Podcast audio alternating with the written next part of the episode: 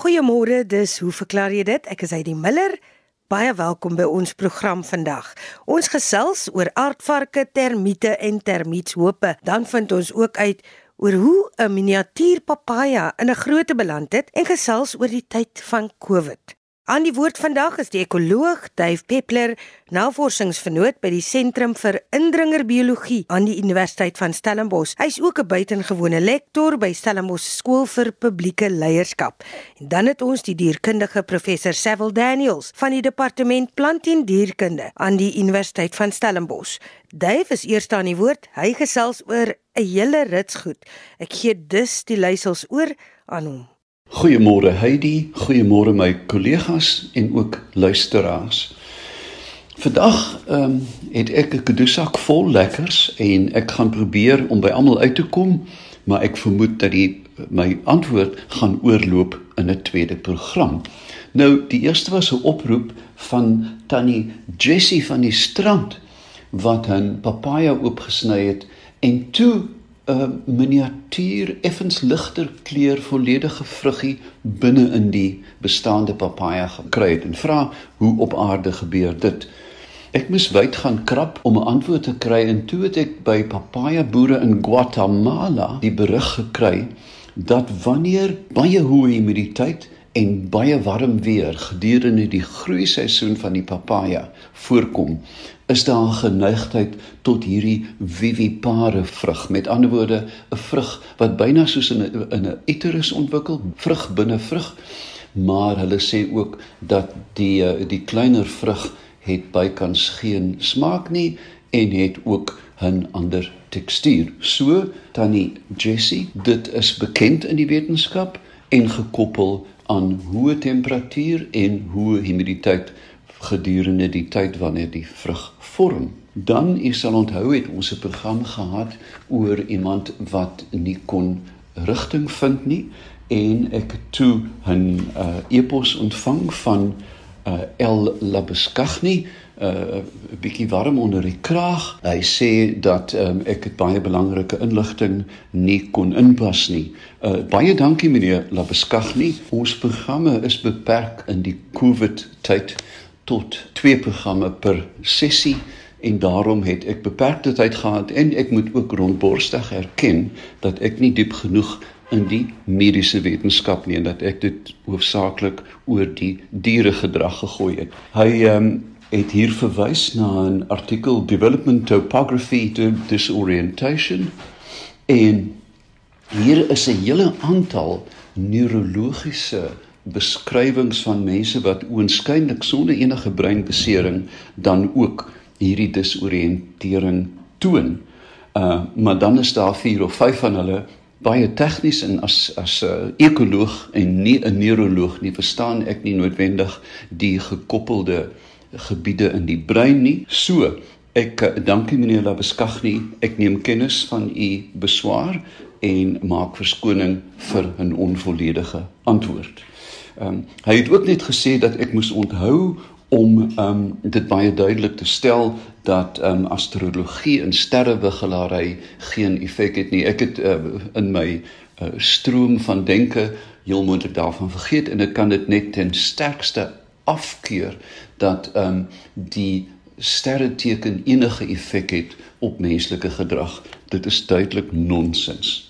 Om by die uh, hoofdeel van my antwoord terug te kom, moet ek dan verwys na 'n brief van Egbert Gerrits van Bonnievale wat hierdie baie baie interessante brief geskryf het oor uh, die tyd van COVID en ook spesifiek hy verwys na toe ons gepraat het oor die geur van tomaties dat hy onlangs 'n artikel van Charles Hugh Smith gelees het Surviving 2020 En ek dink tog in terme van 'n inleiding tot die verdere verwysing na permakultuur, permaculture van Bill Mollison, moet 'n mens ook dan net kyk wat Charles Smith gesê het. Nou, ek is van mening dat eh, net soos met die groot droogte van 'n jaar of 2 gelede hierdie pandemie ons tot nugterheid geruk het of ten minste die wat probeer dink. Ek dink in in in die langtermyn gaan ons terugkyk na die pandemie as 'n tyd vir besinning, vir herdink van wat ons doen en hoe ons dinge doen. Die een groot luukse wat die pandemie ons wel gegee het, is oorvloedige tyd meeste van ons het vasgesit by die huis of in 'n woonstel en kon glad nie beweeg nie en daarom het ons baie tyd gehad. In terme van tyd dink ek altyd aan die uitspraak van die rektor, die eertydse rektor van die Universiteit van Utrecht, ehm um, Willem Hendrik Gispen wat altyd volgehou het en ek ek ek is weet hy is reg. Hy het gesê dat beskaafde mense kan slegs twee goed doen. Hulle kan met tyd omgaan en hulle kan met inligting omgaan. Niks op aarde irriteer my meer as iemand sê ek het nie tyd nie. Dis 'n leuen. Hulle weet nie hoe om met tyd om te gaan nie. En tweedens wat uh, uh die Amerikaners daai tyd al genoem het in die hofsaake oor evolusie. Hierdie manier van dink, habit of thought kan aangeleer word sodat ons deur die absolute vloed van fopnuus kan blaai. Die hele idee van 'n herbesinning oor ons verhouding met die natuur is glad nie nuut nie. 'n Mens dink terug aan byvoorbeeld 1948 toe 'n Sand County Almanac van Aldo Leopold vir die eerste keer geskryf is, waar hy die omgang met die natuur en verantwoordelike omgang vir die eerste keer in ekologiese terme uitgepak het. Knap op sy hakke in die laat 50s was daar die boek van Rachel Carson, Silent Spring, wat met 'n donderslag die effek van DDT op die lewende organismes van die aarde baie duidelik geïllustreer het, veral in terme van die onvermoë van van swerfvalke, peregrine falcons om te kon aantil want die kalsium metabolisme is deur die metaboliete van DDT ontspoor en die eiers het eenvoudig in die nes gebreek alhoewel hulle vrugbaar was. Nie lank daarna nie en ek dink hy die jy sal dit seker in jou wegbreek liedjies kan onthou. Onthou julle die die uh, fifth dimension wat gesing het this is the dawning of the age of Aquarius. Hierdie was 'n popliedjie, maar met 'n duidelike ondertoon. Jy weet dat ons is deel van 'n lewende organisme, die aarde. En nêrens meer pragtig uiteengesit deur Joni Mitchell se lieflike liedjie Big Yellow Taxi. We've paved paradise and put up a parking lot. Met ander woorde, die hippies van die Age of Aquarius van Woodstock, Rachel Carsons en ook um, Aldo Leopold het vir ons vroeg reeds 'n baie netjiese template of 'n denkerigting template gegee wat vir ons sê hoe ons met die aarde moet omgaan op 'n verantwoordelike manier. Nou kom ons kyk 'n bietjie wat Smith sê in hierdie tyd van gebakte pere. Ons sit werklik in 'n krisis soos die wêreld nog nooit gesien het nie. Ek vermoed en dit is my persoonlike mening dat dit uh, gelykstaande is aan die groot dood van die middeleeue, die groot griep van 1918, die wêreldoorloë. Hierdie pandemie het ons tot in ons fondamente geskit. En dan kom ons kyk nou wat sê Smith daarvan. Smith sê vestig en onderhou gemeenskappe. Jy moet binne jou voetspoor van gemeenskappe of jy in 'n dorp bly of in 'n stad bly, al bly jy self in 'n woonstelblok om 'n gemeenskap te sig vir stig van mense wat vir mekaar omgee en ook dinge vir mekaar doen. Ek merk met groot opwinding dat in in in stede in Europa is daar nou restaurante en kafees waar vakmanne en vakvroue sit en wag kleremaaksers uh, skoenmakers en dan gratis uh, terwyl hulle sit en koffie drink kan jy jou broek met die geskeurde soem inbring of jou sandaal met die gespe wat losgegaan het en hulle sal dit vir jou gratis doen. Dit is deel van 'n lewende gemeenskap van iemand wat iets doen vir sy naaste. En ek dink boonbehalwe die pandemie is dit in elk geval 'n baie goeie ding om te doen Dan en nou gaan hare natuurlik oral reis sê Smith kanselleer jou TV. Ehm um, hy sê ehm um, as jy uh, iets van die geskiedenis wil weet, lees 'n boek. Ek het hierdie eksperiment aangegaan 3 maande gelede deur letterlik alle TV los te sny. Ek het glad nie meer 'n televisie lisensie nie. Ek moet rondborstig um erken dat dit wel Netflix opgedoen het met uh, baie interessante programme. Maar dit is 'n meer toegewyde en 'n meer dissiplinêre ding om te gaan sit en kyk na ding in teenstelling met 'n TV wat in die agtergrond dreun met as ek daarna kyk 80% daarvan is fopnuus in elk geval en jou hele dag word opgevreet met absolute nonsens. Dan sê hy Smith word fiks Nou ja, ek uh, is gelukkig dat ek 'n leeftyd lank baie wel, tot op skool, ek was 'n redelike vet kind, maar daarna deur bekommernis het ek maar geword en fiks gebly. En my fiksheid, moet ek sê, het my deur baie moeilike tye, veral onlangs gedra waar ek deur ernstige mediese toestande gegaan het en dat die artse vir my gesê het dat my lewe um, is te danke aan my inherente fiksheid en ek probeer dit ook uh natuurlik volhou. Mens moet jou afvra, moet jy dit in 'n gimnasium doen of kan jy dit by die huis doen? En dit is 'n persoonlike keuse. Ek dink net dat op die oomblik is dit redelik, redelik uh, riskant om in 'n sweterige uh, gimnasium in te gaan, maar ek verstaan ook dat hulle baie goeie protokols in plek het. Dan sê hy word polities aktief in jou gemeenskap en dit klink hoekom sou 'n mens nou um uh, dit wil doen? Want die rede is baie eenvoudig. Ons het 'n grondwet waarin dit vasgepen is dat elke lid van hierdie land, elke uh van enige gemeenskap het die goeie reg op 'n gesonde omgewing. En daarvoor moet ons eenvoudig beklei. Jy moet die lewe van jou raadslid of jou wijkslid suiwer hel maak totdat probleme aangespreek word. En ek dink dit gee ons ook dan die verskoning sê omdat ek iets probeer doen, het ek die reg om te kla. Dan sê hy eet laag in die voedselketting. Wat beteken dit? Dat ons weg moet beweeg van die top van die piramide van verfynde en gevorderde produkte soos vleis en ek maak geen uitspraak vir of teen die vleisbedryf nie. Ek sê net dat hoe laer ons in die voedselketting eet, met ander woorde die groente, die lensies, die boontjies ensovoorts, hoe relatief gesproke, hoe kleiner is die impak op ons direkte omgewing want die insetkoste in terme van water en chemikalieë is duidelik baie baie laer. Dan sê hy en hier kom ons by die kern van die vraag wat nou gaan oorloop na 'n volgende program ondersoek permakultuur.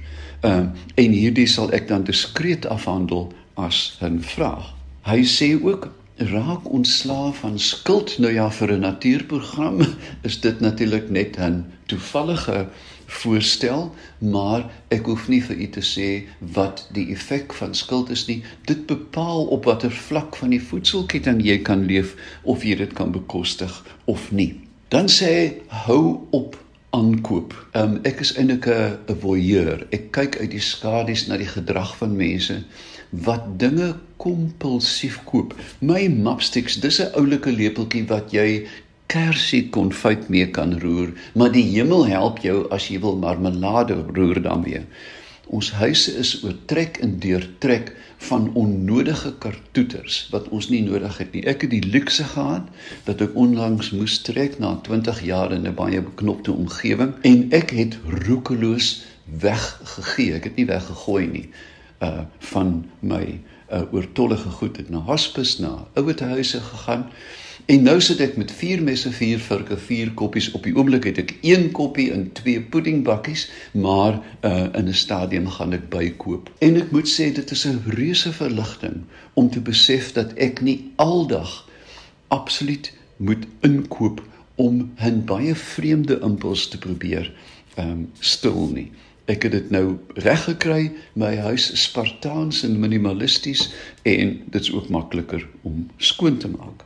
Dan natuurlik indien 'n mens kan sê uh, Smith probeer 'n werk vir jou kry nader aan die huis. Ek het die grootste simpatie met mense wat in die oggendure in die donker moet begin pendel om by hulle werk uit te kom, maar indien jy die skuif kan maak, moet jy die somme baie fyn maak want dit mag in die lange duur vir jou goedkoper wees om nader aan jou huis te werk en natuurlik nou met spertyd kan 'n mens ook probeer om uitsluitlik van die huis af te werk soos ek nou maar doen. Dan ehm um, en hier gaan die die uh die jong manne natuurlik vir my lag. Hy sê gaan soek vir jou 'n stokou motortjie met 'n klein enjinkie. Nou ja, sonder om handelsname te noem, ek onthou van die ouer Japaneese motortjies met 'n 1100 of 1200 of selfs kleiner enjintjie kon jy en hier dateer ek myself natuurlik nou ernstig soos my pa gesê het 35 myl per gelling kry jy kan in die orde van 4 tot 5 liter per 100 km maklik maak.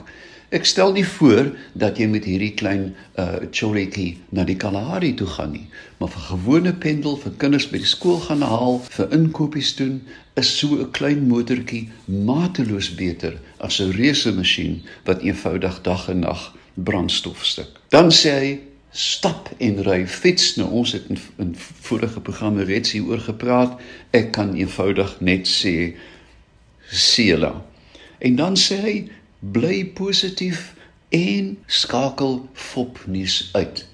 'n Positiewe gemoed het 'n positiewe impak op die omgewing en veel meer as dit kan ek nie sê nie. So meneer Gerrits, ek gaan met 'n volgende program volledig kyk na permakultuur, maar ek hoop hierdie inleiding het jou um, gedagtes en jou belangstelling geprikkel.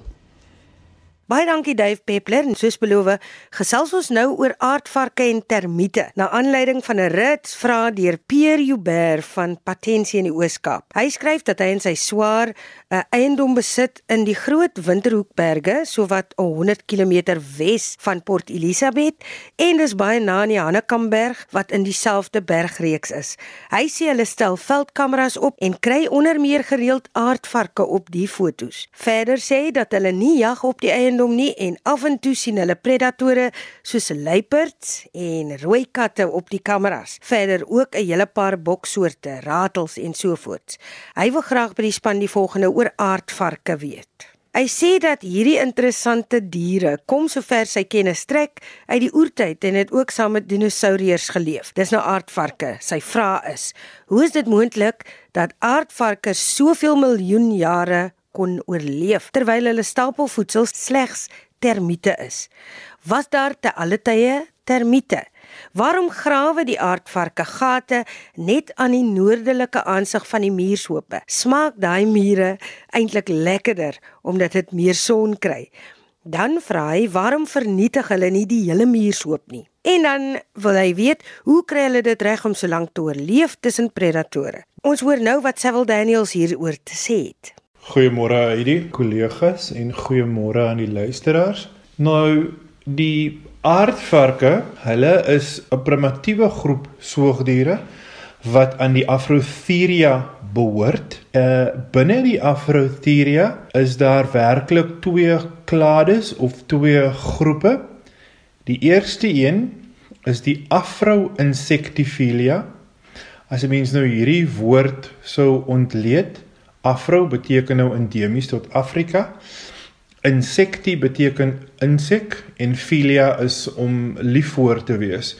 So die diere wat in hierdie klade of in hierdie groep voorkom, is dan nou almal insekvreters en dit sluit in die aardvarke, die jap snoetneusmuise of nou die elephant shrew soos mense nou in Engels sal sê, goue mole en dan ook die tenerex wat mense nou natuurlik net in Madagaskar kry. So in hierdie een klade of in hierdie een groep kan 'n mens met 'n redelike hoeveelheid sekerheid aanneem dat die voorouder van hierdie groep almal insekvretend was. Dan is dit die tweede groep is die Penangulata En hierdie diere is almal herbivore. Dit sluit nou die dassie en die olifant en die dugon in. OK. 'n Mens kan met 'n redelike hoeveelheid sekerheid 'n aanname maak dat die voorouder van aardvarke insekvretend was. Watter tipe insekte hulle noodwendig gevreet het, dink ek dit sou baie moeilik wees om te sê omdat ons uit die aard van die saak nie so ver kan terugsien in die ehm um, geologiese of die biologiese geskiedenis van die organismes nie, maar 'n mens kan wel 'n paar afleidings maak en ek gaan nou by hulle kom. Om jou eerste vraag te beantwoord oor hoe kan die diere dan nou net van termiete lewe? Dit is belangrik om te onthou dat insekte 'n baie goeie bron van proteïene is. Termiete byvoorbeeld bevat enige iets van 33 tot 39 uh, gram proteïene per 100 gram. Dit is ryk in yster, in kalsium en in essensiële vette, sowel as aminosure. Terwyl wanneer 'n mens nou kyk na maalvleis byvoorbeeld wat 'n mens nou um in die huis sou gebruik, maalvleis bevat ongeveer 26 gram uh proteïene per 100 gram. So uit die eetkundige perspektief uit bied insekte en veral termiete is dit 'n goeie bron van kos. In die algemeen vreet die diere 50000 termiete per aand wat uiteraard van die saak nog al 'n mondvol is. So nou moet 'n mens byvoorbeeld kyk om die vraag te beantwoord oor was daar tel, ten alle tye termiete. Dit is nogal 'n 'n 'n moeilike enetjie om te beantwoord, maar nou moet 'n mens kyk na die fossielrekorde by die diere. Die eerste fossiele van termiete is bekend van die kruitperiode. Dit is omtrent so 63 tot 135 miljoen jaar gelede. Terwyl in die literatuur is die mense redelik gemaklik met die feit dat moderne forme of moderne termiete gedurende die Jurassiese periode um ontstaan het met ander woorde so 56 miljoen jaar gelede. So termiete as 'n groep is 'n redelike ou insekgroep. 'n Mens moet nou ook onthou dat um, baie van die insekte wat 'n mens tans sien, hulle het lyne of evolusionêre lyne wat lank teruggaan in die in die evolusionêre geskiedenis. Maar in die algemeen is die aanvaarbare teorie dat 'n mens eers plante het wat die land koloniseer, dan is daar 'n groot hoeveelheid um oop nisareas vir ander diere om die land te begin koloniseer dan begin die arthropode die land koloniseer. So uiteraard kon termiete nie altyd daar gewees het nie. Uh omdat 'n mens eers redelike komplekse plante nodig gehad het wat die basis van die voedselweb sou wees. Maar nou moet 'n mens ook kyk na wanneer sou die aardvarke so voorouers dan nou ontstaan het. In die fossielrekord van aardvarke is daar baie diere wat min of meer dieselfde lyk soos aardvarke en die eerste rekord van dit is omtrent so 35 miljoen jaar gelede uit die Paleoseen, maar die eerste werklike aardvarkagtige voorouer kom voor in die Miocene neerslag uit Kenia. 'n Mens moet nou ook onthou dat jy nou na 'n 'n lewendige organisme kyk, 'n aardvark, maar die evolusionêre lyn van die dier gaan baie ver in tyd terug. Dit is natuurlik iets wat 'n mens nou wel ook in gedagte moet hou. So as 'n mens nou die aardvarke se ehm um, geskiedenis sou vergelyk met die van die ehm um, van hulle gunsteling prooi items is dit baie duidelik dat die termiete lank die land gekoloniseer het voordat die voorouers van um moderne aardvarke um op die land in hulle vorm wat hulle tans is sou wees. So die voedingsbron die termiete is ouer as die hedendaagse of moderne forme. Dit is ook interessant om daarop te let behalwe die feit dat die aardvarke termiete en mure vreet, vreet hulle ook 'n baie unieke plant en hierdie word 'n aardvark komkommer genoem. Nou hierdie aardvark komkommers, hulle het lopers bo die grond, maar nie soos die komkommers wat 'n mens in die huis kry nie. Kom hierdie komkommers wat die aardvarke eet, kom ondergronds voor. Die komkommers wat 'n mens in die in die huis gebruik in jou slaaie, hierdie kom bo-gronds voor. En die mense, die wetenskaplikes dink dat hierdie komkommers word veral deur die aardvarke geniet uh as 'n bron van water. Uiteraard kan daar ook natuurlik minerale teenwoordig wees in die vrug. Dan as 'n mens nou net na die bou van die dier kyk, morfologies is die tong omtrent so 30 cm lank, dis redelik dun, omtrent so 1 cm, so dis perfek aangepas om vinnig in die gate in te gaan wat die aardvark dan sal grou om die termiete mee op te tel. Die mond by die aardvarke is redelik gespesialiseer. Mense kan nou dink aan hierdie lang varkagtige snoet wat 'n mens nou by die diere kry. Maar wanneer 'n mens in die mond self kyk, sien 'n mens nogal heel party en aardige morfologiese aanpassings. Die tande het byvoorbeeld geen emalje nie. Ehm um, die tande verweer en dit groei terug gedurende die lewensperiode van die diere. Die volwasse diere het geen kiestande nie en het 14 bo en 12 ondermolare. Met ander woorde, hulle kou net werklik tot 'n groot mate en natuurlik ook redelik vinnig. Die maag het gewoonlik 'n kropagtige gedeelte wat aangepas is vir die vertering van insekte So daar's nogal 'n hele party morfologiese aanpassings wat 'n mens sou kan sien in die spysvertering by hierdie diere. Nou ten opsigte van hoe vermy hulle predatore, is daar ook heel party interessante aanpassings. Natuurlik is die diere naglewend, so hulle gaan tot 'n groot mate alle predatore vermy wat in die dag aktief is. So dit is interessant. Hulle lewe gewoonlik natuurlik in tonnels, so die tonnels help ook dan net met 'n mate van beskerming. Dit is ook interessant om daarop te let dat die diere kan baie groot tuisgebiede hê. Hulle vreet in die algemeen elke 5 tot 8 dae in dieselfde um omgewing sodat hulle werklik die impak op hulle voedingsbron kan beperk. So as die dier nou in 'n week teruggekom het, ehm um, nadat hy klaar daar gevreet het, het die termietnes of die muurnes tot 'n groot mate amper weer herstel sodat die dier dan nie werklik 'n uh, um, 'n groot omgewingsimpak het op die prooi item self nie. En 'n mens weet ook natuurlik dat mure en termiete in redelike groot kolonies voorkom. So watter ander aanpassings het die dier nou wat hom sou aanpas vir sy omgewing, maar veral ten opsigte van ehm um, van predatore. Die snoet het 8 reuklobbe en hierdie is die meeste wat in alle soogdiere voorkom.